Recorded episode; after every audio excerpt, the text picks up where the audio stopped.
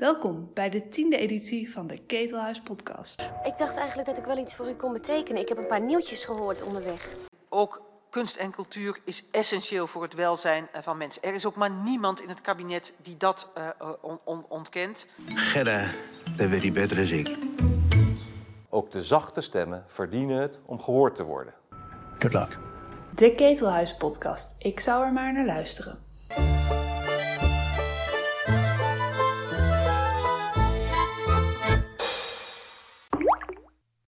Hij was en is geliefd en gevreesd en gehaat. Abzacht. Hij schreef 31 jaar over film voor het Algemeen Dagblad en was in zijn lange carrière nooit te beroerd om tegen wat schenen te schoppen. In maart gaat hij met pensioen en daarom maakte Floortje Smit, collega-recensent van de Volkskrant, een wandeling met hem in zijn geboortestad Kampen. Over de liefde voor het grote doek gaat het. Over pennen met lampjes en problemen met autoriteit. Want maken mensen nu gewoon graag ruzie met Ab of maakt Ab graag ruzie met mensen? Zo, Ab, um, dit is je, je grote afscheidsinterview. Vooraf heb jij uh, gebeld met de directeur van het ketelhuis, Alex, om hem een beetje te waarschuwen. Want je zei, ik heb uh, de messen geslepen. Ja, ja, kijk, ik, uh, ik heb nu niks meer te verliezen. Hè? Want ik ben zometeen min of meer uit de filmwereld. En ik heb, uh, ik heb het werk uh, 30 jaar gedaan. Ik weet nog precies wanneer het begon, 31 januari 1989, want toen werd mijn uh, dochter geboren. En op dezelfde dag kon ik meteen naar het Filmfestival Rotterdam, want er was een persconferentie van Pieter Bogdanovic. Kijk, toen hadden ze nog echte gasten. Hè. Maar goed, maar ja, in de loop der jaren heb je natuurlijk wel conflicten gehad, ruzies gehad. En dat wordt tijd om daar nog eens een keer uitleg over te geven, vind je niet? Op... Je bedoelt, je, je gaat er nog even in poeren. Je gaat het allemaal erger maken dan het al was? Nee, nee het was al erg. ik, hoef daar, ik, ik hoef daar niet te overdrijven, maar dat was al erg. Laten we, laten we even we gaan heel rustig beginnen hoor. Maar noem ja. gewoon even een paar namen. Dan weten die mensen in ieder geval dat ze moeten blijven luisteren. Ja, nou Theo van Gogh. Mm -hmm. Maar dat kan niet meer. Dat kan niet meer, nee. Nou ja, goed, dat weet je niet hè. Hij kijkt misschien mee. Uh, San van Malta wil ik wel be behandelen. Ik wil René Mioch uh, behandelen. Koolhoven, Martin. Aante de Jong, de drama queen uit Zeeland. En uh, nou ja, wat er zo te sprake komt, wat me zo invalt. Ja. Ja, nou, het, we, we, ik ben heel erg benieuwd. Laten we gewoon beginnen bij het begin. Ja. Um, we lopen door Kampen. Ja. ja. Hier ben jij geboren? Ja, hier ben ik uh, in 1954 geboren. We lopen nu door de Oude Straat. Dat is de grote winkelstraat van Kampen. Nou ja, ik weet niet wat je van Kampen bent, weet, maar het is een Hansestad. Het wemelt van de kerken. Hele mooie gebouwen zijn het. We lopen nu richting Bovenkerk. Daar ben ik ooit gedoopt. En uh, ja, het is een stad waar je als filmliefhebber niet veel te zoeken had, kan ik je verzekeren. um, er was hier één bioscoop, de City Bioscoop. En die draaide vooral Tiroler seksfilms, Louis de Funès, karatefilms en uh, foute spaghettifilms, weet je wel, slecht nagesynchroniseerd. Maar goed, um, waarom uh, ja, wa, wa, was het toch belangrijk voor mij? Er was, kijk, hier is een, dit is een theologenstad. Mm -hmm. En in mijn jeugd waren er twee opleidingen. En het wemelde van die studenten en die hadden een eigen uh, maatschappij. De maatschappij tot, de, tot het nut van het algemeen. En die uh, organiseerde elke maand een voorstelling van een klassieke film. Mm. Nou, een van die films is Modern Times van Chaplin. En toen heb ik voor de lokale krant, ik was 15, 16, een stuk over die film geschreven. Zo is het begonnen. Maar had je dat dan zelf, je had gewoon zelf die film gezien en je dacht dat vind ik interessant? Ja, exact. Ik heb me erin verdiept in uh, Chaplin en dus ik heb, uh, ja, uh, de, de, de, film gaat dus duidelijk tegen de industrialisatie, hè, weet je wel. Dus dat, dat, kon je, dat kon je er allemaal uitleggen voor de goede gemeente in Kampen. Jij dacht dat is nog nodig, want laten we eerlijk zijn, die film was toen al een poosje uit. Ja, maar wie heeft hem gezien? Moet je niet overschatten hoor. Dat, uh, ik zat deze week met iemand uh, te kijken die had nog nooit uh, Noord by Noordwest gezien. En dan viel ik ook van mijn stoel van verbazing. Dus overschat het niet, hè? want Nederland is niet echt een filmminnend land. Hè? Dus veel, veel mensen, voor veel mensen is het nieuw. Maar, maar goed, jij was toen 16 en jij dacht, de mensen moeten mijn mening horen over Modern Times. Ja, zo eigenwijs was ik toen ook al. Ja, exact, exact.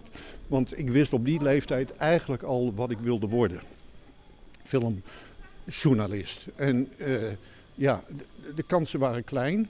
Ik heb hier ook de middelbare school afgemaakt. En toen wilde ik dus naar de school van journalistiek in Utrecht. Maar 600 aanmeldingen voor 100 plaatsen. En het was elke keer een loterij. En ik ben twee jaar uitgeloot. Wat ging je toen doen? Nou, dat heb je even. ik heb eh, hier gewerkt als toneelknecht. Daar werd ik ontslagen omdat ik bijna de toneelmeester had vermoord. Want je, je moest helpen met de grote voorstellingen die er kwamen. Maar goed, er kwam een, eh, de, de Stadsgehoorzaal, het theater, werd heropend. En toen kwamen er de voorstelling met André van Duin, een revue. Dus ik heb die banaan van André van Duin nog moeten uitpakken. en ik herinner me ook een voorstelling 2 op de wip met eh, Jeroen Krabbe en Wille Calbetti. Dat heb ik allemaal meegemaakt. Maar hoe had je die man nou bijna vermoord dan? Nou, ik moest ook het licht doen. Dan moest je helemaal naar boven klimmen. En dat werkte met gewichten. Ja, dan moest je een balans zien te vinden. Nou, je ziet het voor je. Ik liet dus zo'n gewicht naar beneden. En dat heeft die man op een haarnacht gemist. Dus je begrijpt dat ik een halve dag boven heb gezeten. Want die man wilde me helemaal... Dus omdat jij je gewicht hebt laten worden, je had gewoon de rest van je leven ook toneelknecht kunnen zijn. Ja, ja, ja, absoluut. Nou, ik vond het eigenlijk veel te hard werken, want je moet in een hele korte tijd in- en uitladen. Ja. En eh, je moest samenwerken met die toneelgezelschappen die hun eigen mensen hadden. Dus, maar goed, ja, je hebt wel de onderkant ge- meegemaakt. Hè? Nou, dat was een baantje. Ik heb hier gewerkt als bordenaanwasser, werd ik ook ontslagen. Ik heb, Waarom werd je daar ontslagen? nou, Toen eh, had ik met mijn vriend, want we hadden die baan samen, toen hadden we te weinig borden schoongemaakt. Dus zijn we te vroeg naar huis gegaan. Dus, dus ja. Nou, ik heb in de boekhandel gewerkt in Zwolle bij Waanders. En dat is een gerenommeerde uitgever ook. En daar werd ik ontslagen omdat ik te veel met de klanten sprak. Dus dat. maar goed, het was voor mij allemaal het gevoel van: jongen, mijn kans komt nog wel als ik maar eenmaal journalist ben. Ja. Wacht, ik, ik wil eerst even een stap terug. Ja. Ik wil even naar je ouders, want jij woonde Ja. hier dus in, in Kampen. Waren Ja. die ook heel gelovig? Nee, eh, dat wil zeggen, mijn ouders waren Westerlingen. Zo, heet, zo noemen ze dat hier. Dus mijn vader kwam uit Den Haag, mijn moeder kwam uit Voorburg. En mijn moeder was een domineesdochter. En eh, hervormd, niet gereformeerd. Dus zij was hier eh, nooit echt ingeburgerd. Omdat ze toch altijd ja, buitenstaanders bleven. En zij kon ook niet tegen dat benepen gevoel wat hier heerste. Mijn vader werkte hier voor de christelijke uitgeverij J.H. Kok, gespecialiseerd in theolo- theologische boeken en streekromans. En, eh, en ja, dus ja, dat is het milieu waar ik eh, uit ben. We kijken nu naar de bovenkerk trouwens. Ja, mooi. Maar hier was je dus gedoopt, zei Hier ben ik gedoopt, ja, ja, ja, ja. Ja, imposant gebouw, nietwaar? Dat dus wel. Maar moest je dan heel vaak naar de kerk ook, of niet? Nou, ik kan me niet herinneren dat ik ooit met mijn familie naar de kerk ben geweest in Kampen. Maar misschien heb ik dat verdrongen. Maar kijk, ehm, nee, we waren toch een beetje... Want nu komt mijn echte liefde voor film eh, opkomen. Ehm, mijn vader ging altijd zondag naar Ajax. Zondagvoetbal. Mocht niemand weten hier. En eh, we mogen ook geen- geen vaantjes in de auto, hè, dat je voor Ajax was. Dus die Nou. haalde jullie er bij z'n wollen ongeveer uit. Juist, zo ging dat. Serieus. Ehm, maar ik ging mee en ik heb eh, Johan Cruijff zien beginnen in de meer en Piet Keizer, gouden jaren. Maar ik, eh, op een gegeven moment was ik zo klaar met dat publiek, arrogant Amsterdams theaterpubliek. Dus ik dacht van, weet je wat, ik ga wel mee naar Amsterdam. Ik stap uit, ik pak lijn 9 en dan eh, stap ik uit bij Artis. En dan ging ik naar Criterion, de bioscoop. En dan zat ik soms in mijn eentje naar films van Don Siegel te kijken. Hè? eh, op bloedhete zondagmiddagen. Je keek daar liever naar dan naar Kruif. Ja, exact. Zeg je Ja. dit nou ook een beetje om de collega-critici die van Ajax houden een beetje te zieken? Eh, nou nee, want die, die kunnen alleen maar jaloers zijn. Want ik heb Cruijff zien beginnen. En, en wat ze nu moeten zien in, eh, hoe heet dat ding? De Johan Cruijff Arena. Dat is natuurlijk eh, hè, een afgeleide van, van wat het vroeger... Het totaalvoetbal van Rinus Michels. Ik ken de hele opstelling van Ajax nog uit mijn hoofd hoor. Bal, Suurbier, Soetekou, Van Dijvenbode, Hulshoff. Benny Muller, Henk Groot, Sjaak Zwart, Klaus Nuninga, Cruijff, Keizer. Ja. De reserves, hangen- die, die bespaar ik, ja. Maar goed, jij ging liever naar Criterion. Ja, ja, exact. Omdat ik toch die filmliefde had. En die kwam niet, ik kwam niet aan mijn trekken in Kampen. Vergeet ook niet, er was nog geen dvd. Het een, de enige films die ik kon bekijken...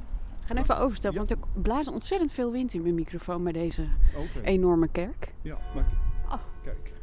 God roept, roept, hè? Je weet, je weet, we moeten nu naar binnen eigenlijk, maar ik vrees dat hij dicht is. Ik denk het ook, ik vrees het ook.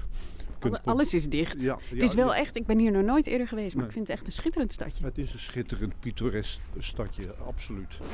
Maar ja, goed, eh, je, moet er ook, eh, ja, je moet ook het milieu kennen. Hè?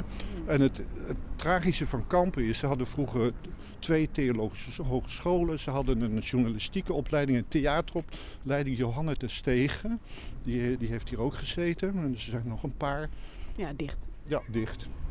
En eh, vergeet ook niet dat de grote theateracteur Henk van Ulsen, die heb ik toen meegemaakt bij de opening van dat theater waar ik als toneelknecht werkte.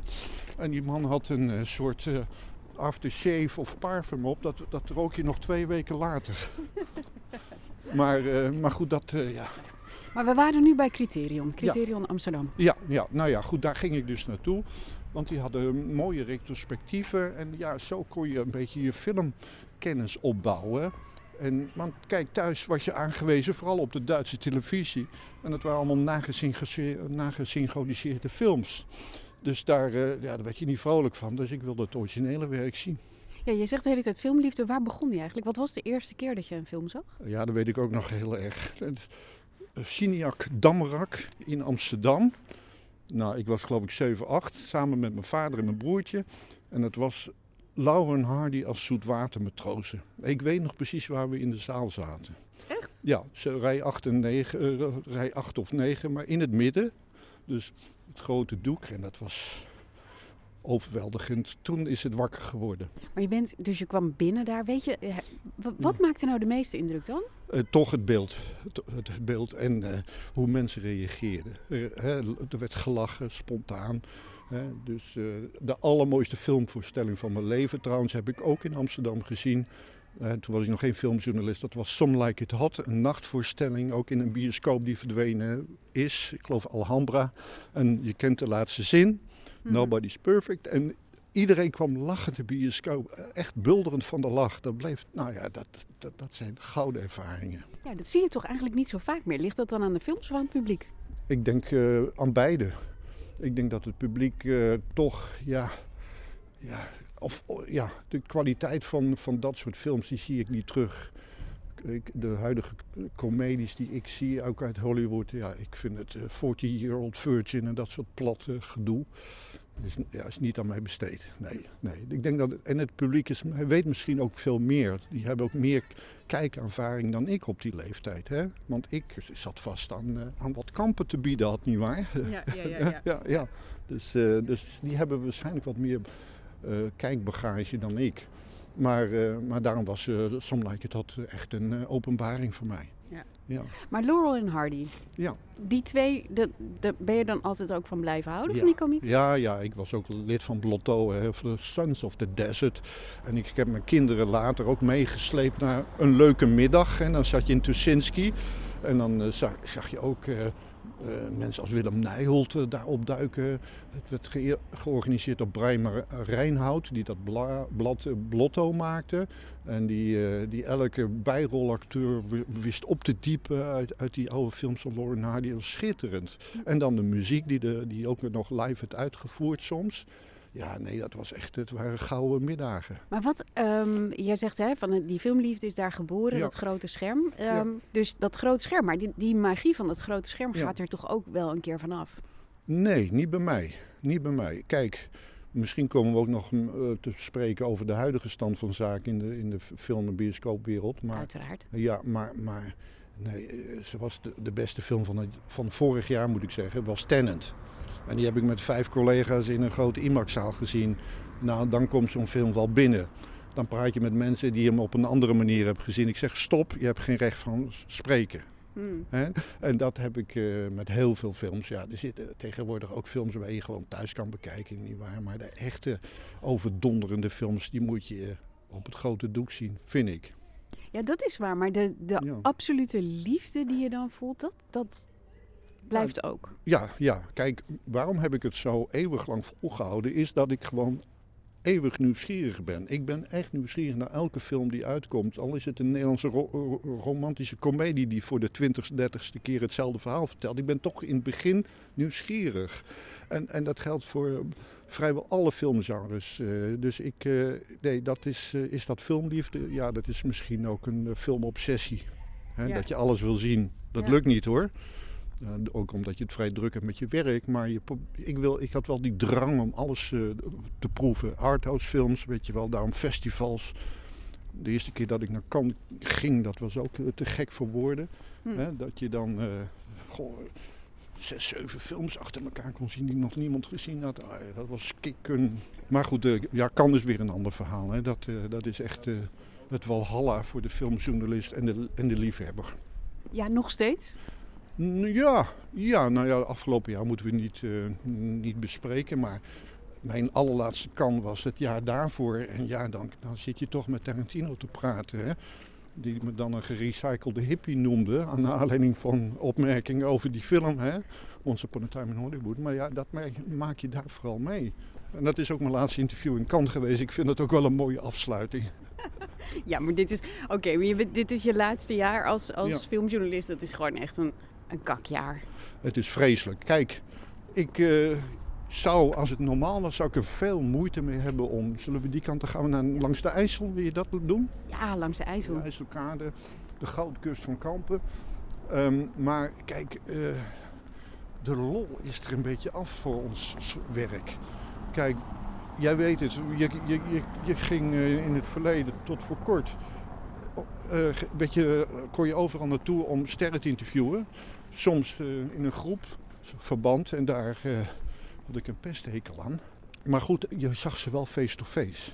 En nu zit ik eh, diep in de nacht met Zoom-interviews. Het is vreselijk.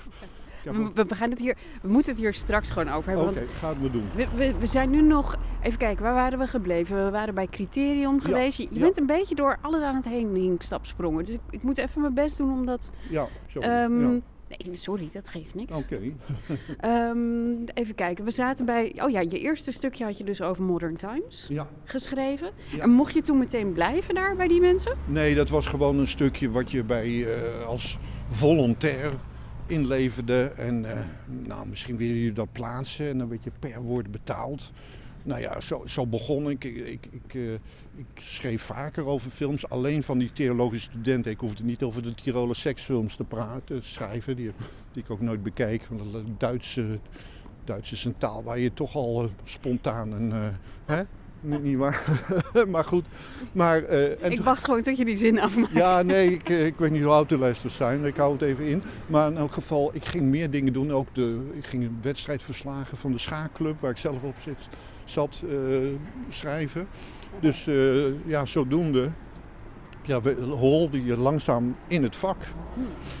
Ja, maar goed, film, ja, dat, eh, dat had natuurlijk was een bijbaantje, weet je wel. Ik kon er niet echt eh, mee, mijn geld mee verdienen. Nee, maar er zijn natuurlijk ontzettend weinig mensen die er wel hun geld mee kunnen verdienen. Dus die stap Ja. is best ingewikkeld. Ja, nou ook in mijn tijd hoor. Dat was wel la- lastig. Want kijk, er zijn, nou ook als ik nu goed tel, vijf à zes filmjournalisten in vaste dienst. De rest zijn.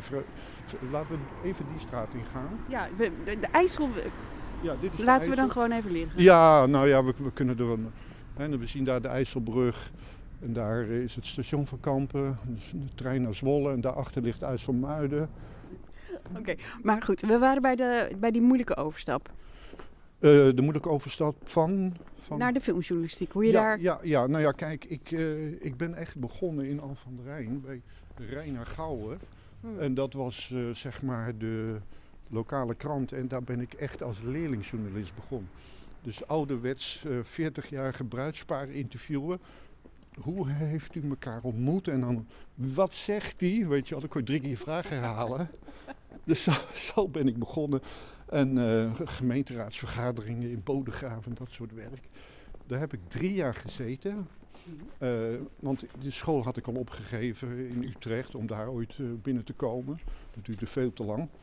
En ehm, toen wist ik al vrij veel van film. En nu komt het.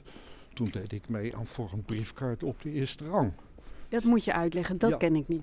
Goed, dat was een filmquizprogramma gepresenteerd door Bob Bauma. En lieve dames, beste heren, dat was altijd zijn aankondiging. Was dat op tv? Dat was op tv. Jij bent van een hele andere generatie. Ik sta, ik sta paf. Sorry. Nou, voor een briefkaart eerste rang. Een, ik weet niet of het wekelijks was. Ik geloof het wel, want ze gingen ook in op het actuele filmaanbod. Maar daar werden dus eh, filmkennis tegenover elkaar gezet. En dan moest je vragen beantwoorden zo snel mogelijk met het bekende drukken op een knop. Daar hebben illustere mensen aan meegewerkt. Meneer T is legendarisch. Dat was een tekenaar van kinderboeken. En die man die won geloof ik twintig keer en toen hebben ze de regels maar veranderd. Een andere illustere deelnemer was eh, Max van Praag, de baas van Universal. Eh, maar ook Hans Berenkamp heeft er ook aan meegedaan. Maar goed, toen ik aan de beurt kwam, dan mocht je maar drie keer terugkomen. Oh ja. En toen eh, hebben we maar. eh, oh. Hebben we maar besloten om. ja, nou ja, goed, dat, dat, dat, dat hebben, dat hebben ze toen vastgelegd. En eh, nou ja, ik won drie keer. Wat was de vraag waarmee je won? Ah, ik zal het nooit vergeten. De eerste uitzending was de mooiste. Ja. Eh, ik zat tegen een jonge Pieter Bijholt, die later voor de KRO films ging inkopen. En die stond voor. En de laatste vraag was altijd een biografie. Die werd voorgelezen door een gast. En dat was een Franse regisseur, dat was al een link. En ik moest echt heel snel drukken. Dus die man had zijn mond amper open gedaan. En ik drukte en ik zei François Truffaut, want dat was mijn favoriete regisseur en dat was goed. Maar je, noem, je noemde gewoon een Franse Ja, ja, gewoon mijn favoriet. Ik denk, ik heb niks te verliezen, weet je wel. En die andere twee uitzendingen gingen veel makkelijker, maar dat was wel een eh, pittige uitzending. Dus dat antwoord zal ik eh, nooit vergeten. Oké, maar goed, dus briefkaart eerste rang. Ja, nou goed. En toen eh, werkte ik bij Reine Gouwen. Maar ik had een tip gekregen. Het Algemeen Dagblad zocht een televisie, radio-televisiejournalist. Afdeling was er met twee man en ze wilde drie man. Want dat is altijd heel belangrijk geweest voor die krant. En toen eh, had die chef, Hans van Rijssen, onlangs overleden, mij gezien op de tv. En die belde op en zei, kom jij maar eens langs. Toen zei hij als eerste, Ab, je wil bij ons werken, maar je wordt voorlopig geen filmredacteur. Hè? Dus dat, hou dat even goed in de smiezen.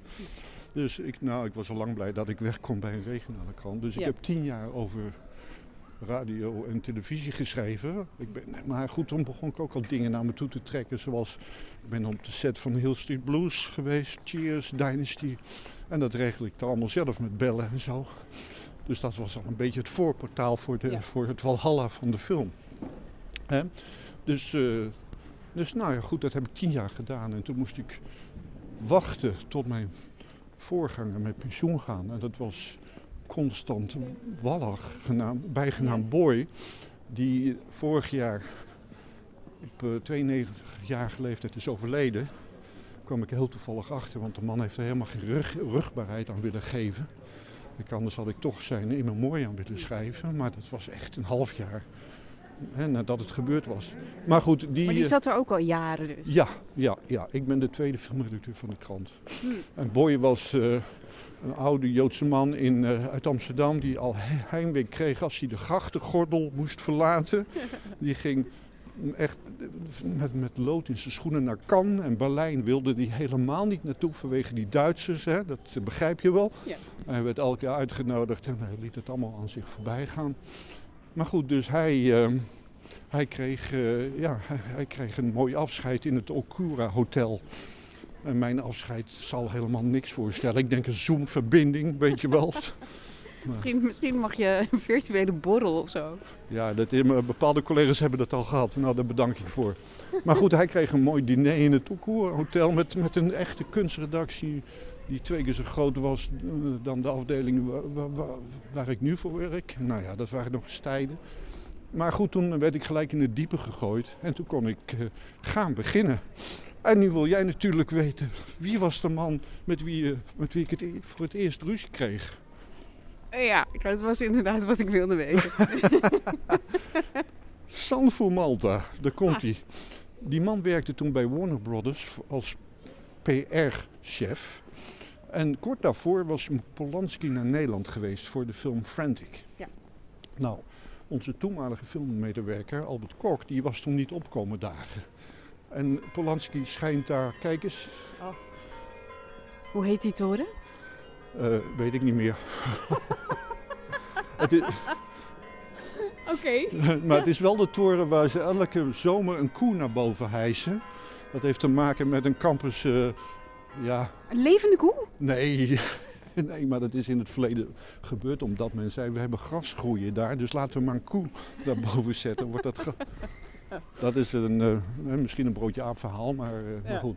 Maar goed, Sanfu. Malta. Sanfu Malta is, is eh, momenteel eh, producent. Ja, ja, nog Maar wel. toen niet. En hoe lang was jij toen al in dienst? Toen jij Eh, echt een hele harde ruzie ging maken? Eén week. Oké. Oké. Want het verhaal was, hij zei, ik wil nooit meer iets met het AD te maken hebben. Omdat eh, die collega van jou mij heeft laten zitten met Polanski. En dat is geen man om ruzie mee te maken. Die kan nog behoorlijk uit zijn vel springen. Dus eh, ik wil niks meer met die krant te maken hebben. En ik zei, wat, wat, wat krijgen we nou? Ik begin pas, ik wil met een schone lei beginnen. Dus met andere woorden, toen hebben ze dus... eh, ja, besloten om maar een bijeenkomst te beleggen. En ja, toen is het min of meer uitgesproken. En ik zei, ik wil op een goede manier met jullie eh, samenwerken, klaar. Je bent een beetje de vredestichter in het verhaal. Ja, nou ja, ik, ik, ook uit eigen belang. Hè, want Warner Brothers is wel een belangrijke filmmaatschappij. Dus Ja. ik denk, daar wil ik geen, eh, geen ruzie mee hebben. En zeker niet als ik het zelf niet veroorzaakt heb. Dus dat is eh, zo begonnen toen. Je- Je was best wel, gewoon sowieso best wel ondernemend. Want je bent ook nog bij Truffaut langs gegaan. Of was Ja. dat daarvoor? Dat was daarvoor. Ik was een keer in Parijs en eh, toen eh, leefde hij nog. En eh, zijn bedrijf heette Le Film du Carrosse. En ik had ontdekt waar dat kantoor zat. Dat was een zijstraat van de Champs-Élysées. En ik denk, weet je wat, ik, ik, ik ga er gewoon naartoe.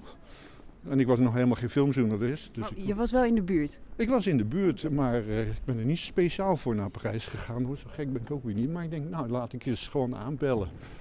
En eh, je, Truffaut speelde to- sp- s- sprak totaal geen Engels. En eh, mijn Frans is ook niet denderend. En ik was heel blij dat hij niet aanwezig was. Ik wou net zeggen, hoe had je dit voorgesteld? dat hij jou open had gedaan en had gezegd... Nou, met mijn, eh, Bonjour, ap. eh. met, met, met mijn eh, HAVO-Frans had ik wel een eh, paar woorden met hem kunnen wisselen. Maar goed, kijk, Truffaut was natuurlijk ook een filmgek. Kijk- naar La Nuit Américaine. En dat gaat over film. En dat was toen mijn favoriete film. Dus, eh, dus ik denk van, nou ja, hij zal wel een mede-filmfanaat herkennen. Maar goed, hij was er niet en er was een hele vriendelijke assistent van hem. En die zei van, nee, nee, hij is aan het draaien. Maar hier heb je de persmap van La Chambre Verte. Een Henry James verfilming. En die heb ik altijd gekoesterd. Oh ja, ik gooi de persmap altijd weg. Daar heb je helemaal niks aan. Nee, maar dit was wel een eh, bijz- bijzondere natuurlijk. Hè? Nee, persmappen, die, eh, nee, joh, die gooide ik ook altijd weg. Ja, je hebt er inderdaad niet zoveel aan. De spelling van de naam is, handig, maar voor de rest eh, moet je je eigen plan trekken. Je hebt, je hebt verschillende soorten filmjournalisten, denk ik altijd. Je hebt de mensen Ja. die altijd heel erg op de feitjes zitten. Ja, Hè, die alles uit hun hoofd weten. Die nog Ja. gewoon kunnen zeggen... oh, dat is die film uit dat jaar met Ja. die en die hoofdrolspelers... Ja. en die heten zo en zo. ja, Ehm, je hebt mensen die volgens mij meer gevoelsmatig kijken. Of het wat meer in de maatschappij willen plaatsen. Ja. Wat voor type was je eigenlijk? Ehm, Ben. Ja, nou ik was een alleseter. Dat heb ik je geloof ik... eh zal even naar die oliebollen kijken. Maar in elk geval, ik was... eh, Wel dicht ook trouwens, hè? alles is dicht. Het is, al- alles is dicht. Nou, de snackbar Jans is waarschijnlijk nog open. Dus je, je krijgt van mij zometeen een frikandel speciaal. Maar daar gingen, eh, eh, de mensen die in kamp uitgingen, die gingen daar altijd eh, tot om twee uur s'nachts nog een eh, patatje oorlog halen of zo. Ja. Maar Kroket mag ook, toch? kroket mag, ja, ja, ja, ja. ja, ja. Maar goed, ehm, eh, om terug te gaan naar je vraag. Kijk, wat voor, kijk ik was een alleseter. En ik, ik, ik had een geweldig geheugen. Dat heeft toch te maken met mijn schaakverleden. Dan, dan moet je je geheugen goed trainen. Dat is nu minder, kan ik je verzekeren. Maar in elk geval, ik was een, eh, een feitjes... eh, liefhebber, maar ik, ik, ik, ik wilde hem ook laten ontroeren door, door alles wat ik zag op het wi- witte doek. Dus dat, eh, en dan projecteren op je eigen leven, wat vaak altijd verkeerd uitpakte, maar goed. Maar ja, ik, ik, ik was wel een emotionele kijker en ben ik nog steeds. En En heb je die feitjes, ben je dan ook zo'n type die dan alles in boekjes schreef en zo? Ik heb het een tijdje gedaan, dat deed Pim de La Parra ook. eh, Dat je alle films die je gezien had enzovoort. Nou, tot voor kort wist ik precies, als ik een film in de bioscoop had gezien, welke bioscoop dat was en waar ik zat. Dat is eigenlijk, wat betreft persvoorstellingen, in het begin was dat niet zo moeilijk.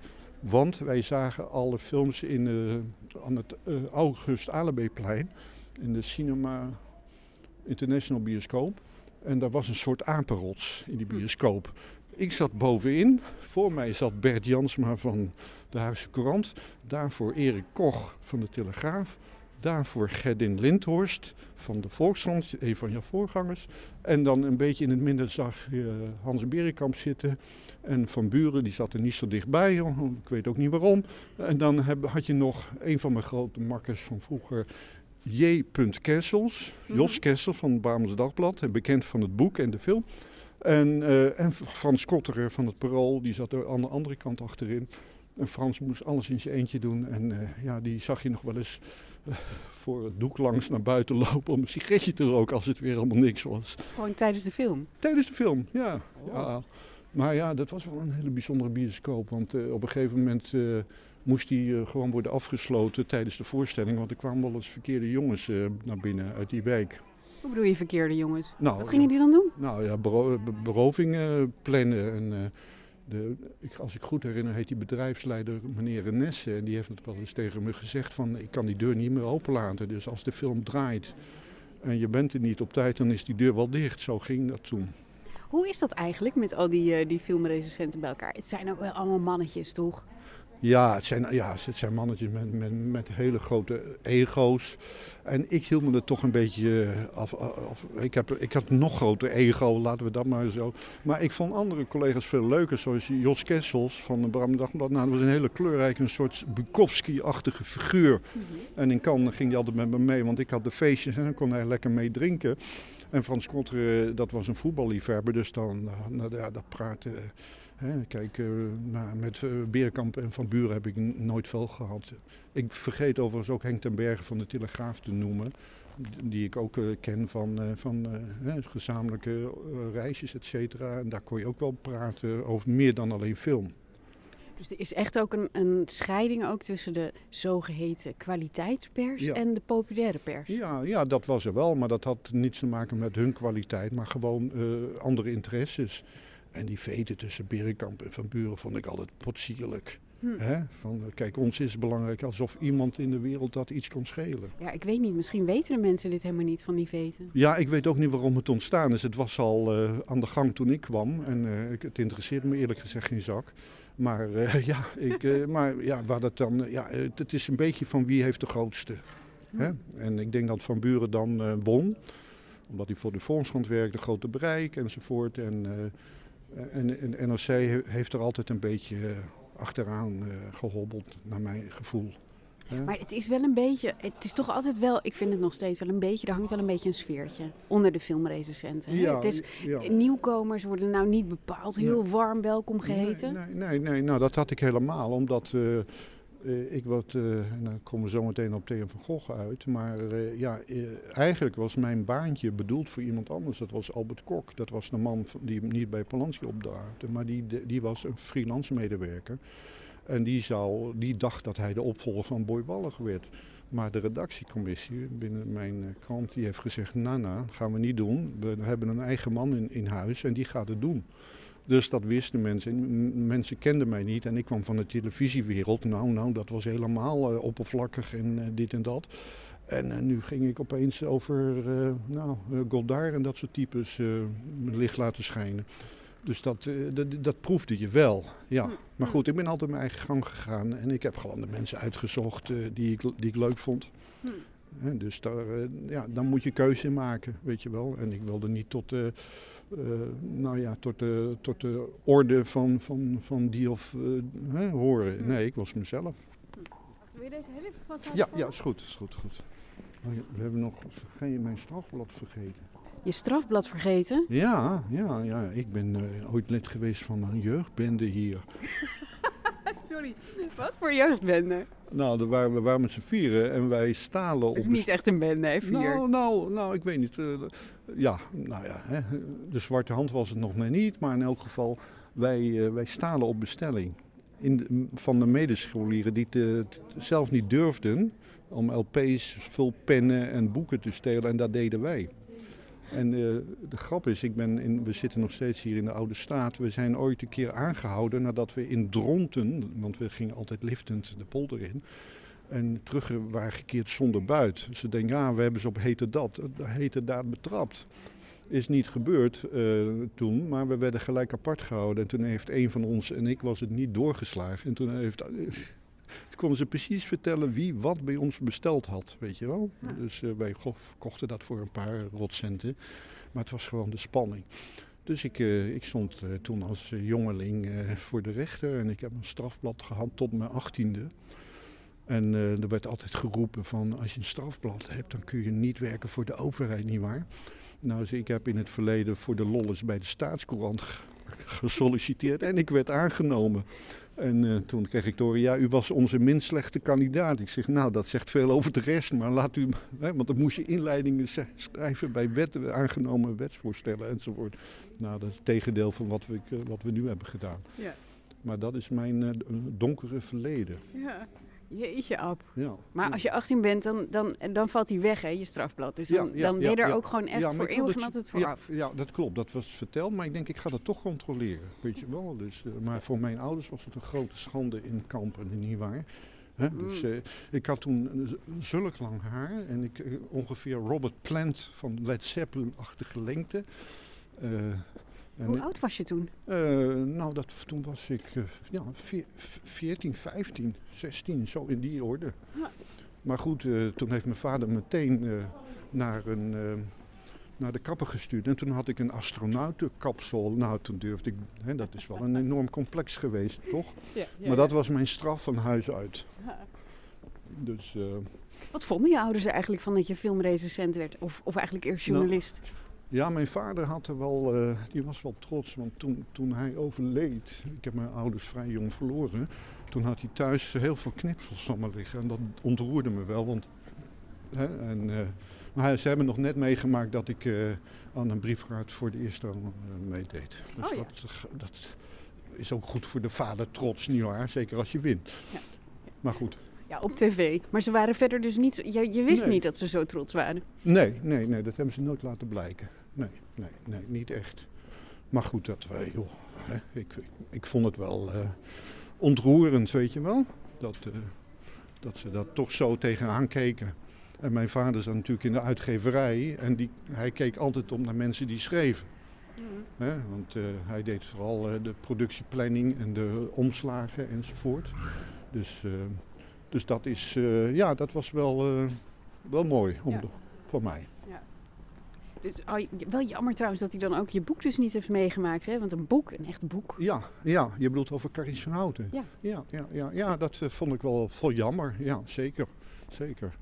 Ja, daar zit ook een heel verhaal aan vast, maar goed. Maar ja, dat had hij waarschijnlijk ook wel prettig gevonden. Ja. Wat, wat voor verhaal zit daar aan vast? Nou, ik zal dat later wel een keer goed opschrijven. Maar Carice zei op een gegeven moment tegen mij, en dat geeft het even weer. Op, de volgende keer moet je maar een boek schrijven over iemand die al dood is. Want het was een geautoriseerd boek. En ja, en heel veel dingen die, ehm, die, eh, die mochten er niet in. Want ik had 60 interviews voor het boek gedaan, onder andere met haar familie. En daar waren nogal wat bepaalde verhoudingen. En oude wonden werden opengereten. Dus, dus, dus, dus eh, iedereen zat die dingen te lezen. Dus dat, dat, eh, dat doe ik de volgende keer anders. Want de journalist wil toch vrij zijn enzovoort. Maar goed, ik ben blij dat ik het gemaakt heb hoor, daar niet van. Maar eh, ja, dat was wel een eh, interessante ervaring, ja, zeker. En die interviews heb je nu allemaal in een mapje met openen als Carice van Houten overleden is. Ja, ik denk dat ik eerder dood ga hoor, dan, Carice. Maar nee, dat doe ik niet. Dat doe ik niet. Nee, nee joh, dat, dat, dat, vind- dat zou ik achterbaks vinden als je dat zou doen. Nee. Je hebt ze toch wel bewaard? Ik heb, er- ja, ik heb, ik heb er al die hoofdstukken, eh, ja, ja, zeker, zeker. Maar ik ga er niks mee doen. Hmm. Ik ga er niks mee doen, nee. Nee, dat kan niet. Ja. Ik, ga, ik ga wel iets anders over schrijven, maar dat, eh, dat, dat, dat, dat zien we dan wel weer tegen die tijd. Hoe doe je dat eigenlijk? Want ehm, als wij, eh, wij zitten samen vaak, eh, vaak bij persvoorstellingen. Ja. Ik probeer altijd alles toch nog wel een beetje op te schrijven. Ja, Hoe kijk jij naar een film? nou, ik heb nog nooit wat genoteerd tijdens. Nee? Ja, het, het, ik geloof dat onze vriend Berenkamp dat ooit gezegd heeft. Als ik schrijf, dan, eh, missen, dan kijk ik niet naar het scherm. En ik wil gewoon naar het scherm blijven kijken. Kijk, ik heb nog de Ellen Waller, hè, zeg je dat ook nog wat? Eh, Ellen Waller en haar man voor de NRC. Vaag. Nou ja, die had zo'n pennetje dat. En die werd vervloekt door collega's. Dan zie je opeens zo'n pennetje in het donker oplichten. En eh, Iedereen denkt dat, hè, van filmrecensenten. Dat wij allemaal pennetjes hebben met lampjes. Ja, maar je ja. wordt echt gelyncht. ja, ja, absoluut. En zij is het enige voorbeeld dat ik heb meegemaakt. Maar ik, eh, ja, ik, ik liet me onder de dompelen in de film. En er is een gezegde van Harry Knap, dat is een oude journalist van het Parool, die zei: Alles wat je niet hebt onthouden is niet belangrijk. Dus het enige wat belangrijk is, wat jij onthoudt. En ja, eh, tijdens zo'n filmvoorstelling, dan zit ik al te denken: van dit wordt mijn insteek voor de film. En dan, eh, dan is het gewoon een kwestie van, eh, van uitwerken. Hè? Of de volgende dag of de, de maand daarna, als het een, op een festival gebeurt. Dus, eh, en de eerste indruk is mijn ervaring is altijd de beste. Ja. Ik heb zelf... ik kijk trouwens ook niet... eh, ik kijk ook altijd gewoon naar het scherm, hè. Mijn aantekeningen zien er gewoon heel raar uit. Ja, kun je ze nog wel lezen na afloop? Zelden. Ja, nou, dat, dat bedoel ik. Dat heeft totaal geen voor je. Je, je hebt je geheugen en, en, en, en ja, zeker als het op een groot doek is, dan, dan staat het toch gegrift. Nee. Nee? Nou, bij mij wel. Da- Daarom moet jij ook nooit aan een filmquiz meedoen, weet je wel. Nee, dat klopt sowieso. Ja, ja, nee, maar ja. sommige films... Oh, kijk, luister. Er zijn Ja. natuurlijk films die zijn fantastisch. Ja, Die onthoud je meteen. Ja, dat zijn ja. de beste films. Ja, Als je ja. geen aantekeningen maakt, zijn de beste films. ja. Maar ja. je hebt toch ook het grootste deel gewoon pure middelmaat. Ja, nou dat klopt. En die moet je ook zo snel mogelijk deleten van je eigen harde schijf. Hè, want anders raakt die overvol. Dus dat, eh, ik kom wel eens titels tegen en dan denk ik, verrek, die heb ik ook besproken eh, enzovoort. Maar dat heb ik dan helemaal weggestopt. Want hup, op naar de volgende. Zo, zo, zo denk ik erover. En de mooie films die iets betekenen voor jezelf, eh, voor je eigen leven, ja, die onthoud je van A tot Z. Welke, welke vijf zijn dat voor jou?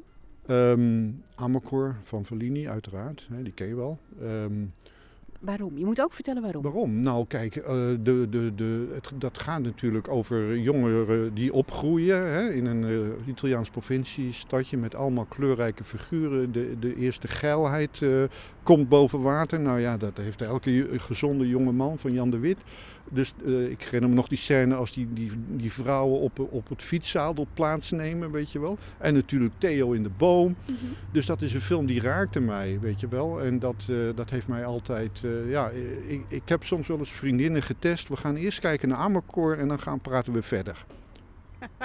Als een, als een diep, eh, een diep Ja. inkijkje in, Ja, jouw, ja, in jouw ziel, ja. verdorven Ja, jongensziel. absoluut, absoluut. Dus dat, eh, dat, dat ja, Am- Amarcord was heel belangrijk voor mij. En zijn er dan wel eens vriendinnen geweest die hebben gezegd, nou, Ab, nou, dit was ja, niks. ja, ja, nou ja, die zei stop maar. Ik zeg, nou ja, en dan... eh, Ik daar- ga de deur. Ja, daar het gat van de deur. Ja. er komt een scène voor, in, ik geloof in de film Diner, waarin dat, zoiets voorkomt en dan gaat het over eh honkballen. Dan moet een vriendin alle home runs van een speler of van een club eh, uit haar hoofd leren, anders wordt het niks. Nou, daar kun je dit mee vergelijken. Oké, Goed. goed, Amarcord. Goed. Nog één. Nou, La Nuit Américaine van Truffaut, want dat gaat over het maken van film. En dat gaat ook vooral over de liefde van film. En het toeval wat bij het maken van films ook eh, te- te- te- eh, eh, van- toepassing is. Kijk naar Casablanca. Ronald Reagan had aanvankelijk de, de rol van Bogart moeten spelen. Hm. Dat soort dingen. Ja. Het toeval wat erbij komt kijken, maar ook de passie van die mensen. Dus dat werkte heel aanstekelijk op mij. Dus da- daarom die film. Absoluut. Absoluut. Dus nu. Drie. Nummer drie. Dan moet ik even, nou toch eh, La Grande Bellezza. Ja. Ja? Ja, ja. Dat gaat over een ouder wordende journalist die viert zijn 64ste verjaardag. Dat Hoe oud was je ook weer? Eh, nu? Mhm. 66. Oh, dus toen was je ook ongeveer 64. Nou, dat, ja. Even kijken, hoe oud is die film? Acht jaar er vanaf, begin 60. Mhm. Maar ik zat in de buurt, ik zat in de doelgroep. Dus, dus, maar ook hoe die man over, tegen het leven aankijkt. Hè. Die man heeft ook één boek geschreven, weet je wel. En eh, hij zit allemaal onzin dingen te doen, heb ik ook moeten doen hoor, als eh, journalist bij het AD. kunnen we het later misschien over hebben, maar goed. Maar, eh, dus, en dan Rome, potverdorie joh. Dat is, kijk, er zitten verwijzingen naar Dolce Vita, die zou ik ook bij willen zetten. Maar deze film raakte me veel meer. En die uh, hoofdrolspeler Tony Servilio, zo heet hij geloof ik. Als ik het goed uitspreek, die is toch geweldig. Die is een van de beste Europese acteurs. Dus ja, nee, ik, had ik heb die film in Cannes gezien. Ik zat aan de zijkant, rij 3, want ik was te laat. KUT-plaats. En ik zag die film, ik werd gelijk ondergedompeld in die beelden en die muziekkeuze van die film. Wat als nou iemand zegt van nou, dat is echt een verschrikkelijke film. Word je daardoor beïnvloed als je hem net hebt gezien, bijvoorbeeld in Cannes? Uh, nee, want dat, uh, dan denk ik, oh dat is niks voor mij. Kijk, uh, in Cannes, vergeet niet, je moet als filmjournalist goed nadenken voor wie je schrijft. Dus ik zat voor een AD-publiek. Dat is dus een ander publiek waar jij voor schrijft.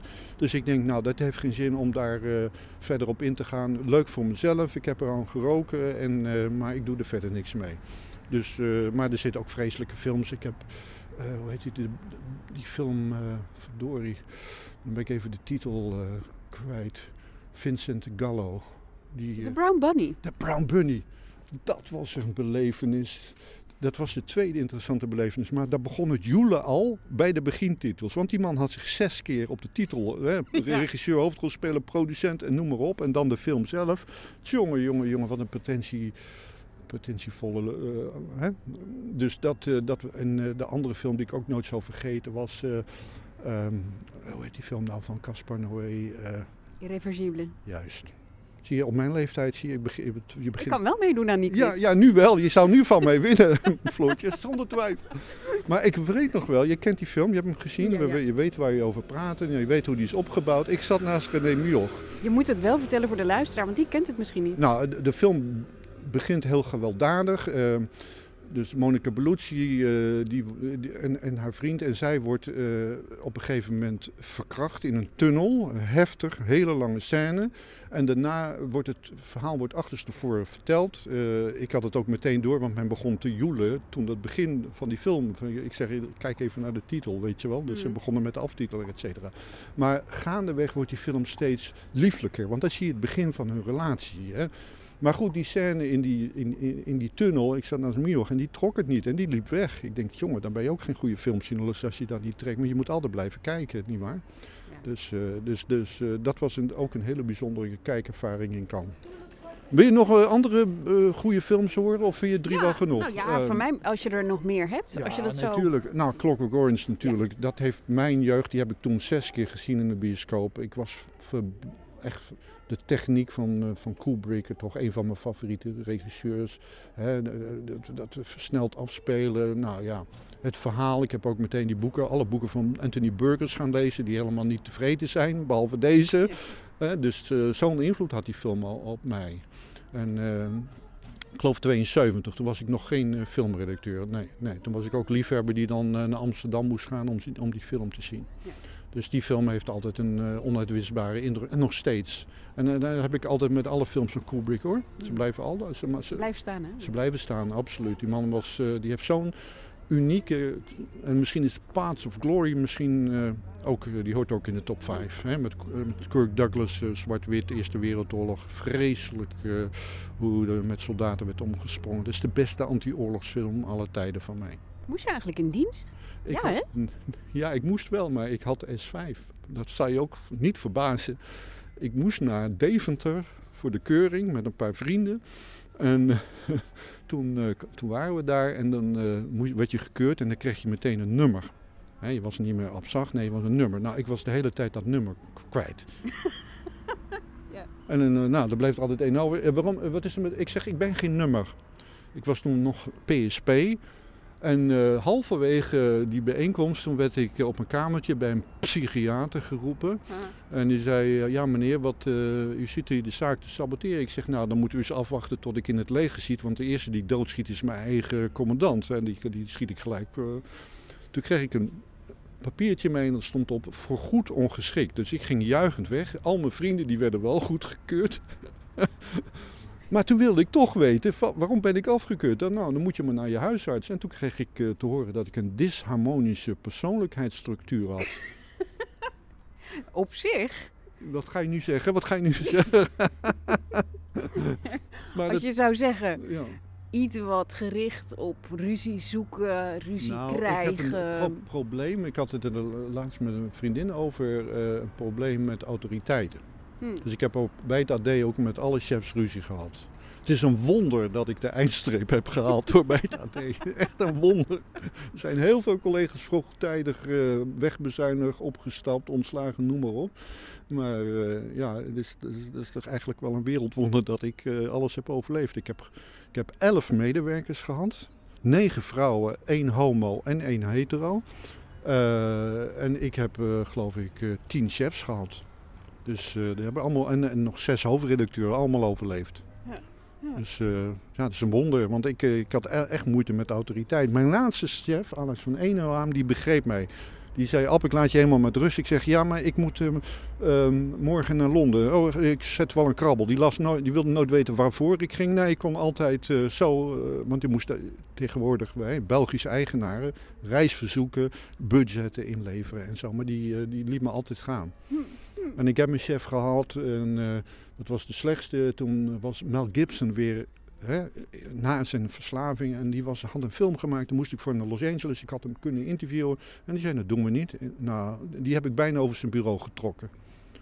Die is nu eh, een van de adjunct hoofdredacteuren van de krant. Dus ik weet niet wie het beter heeft gedaan. Maar ik wil zeggen van... eh, ja, zo, zo- ja, want ik vond dat ik het allemaal beter wist. En ze moesten mij gewoon de vrije hand geven. En mijn laatste chef, die, eh, die begreep dat.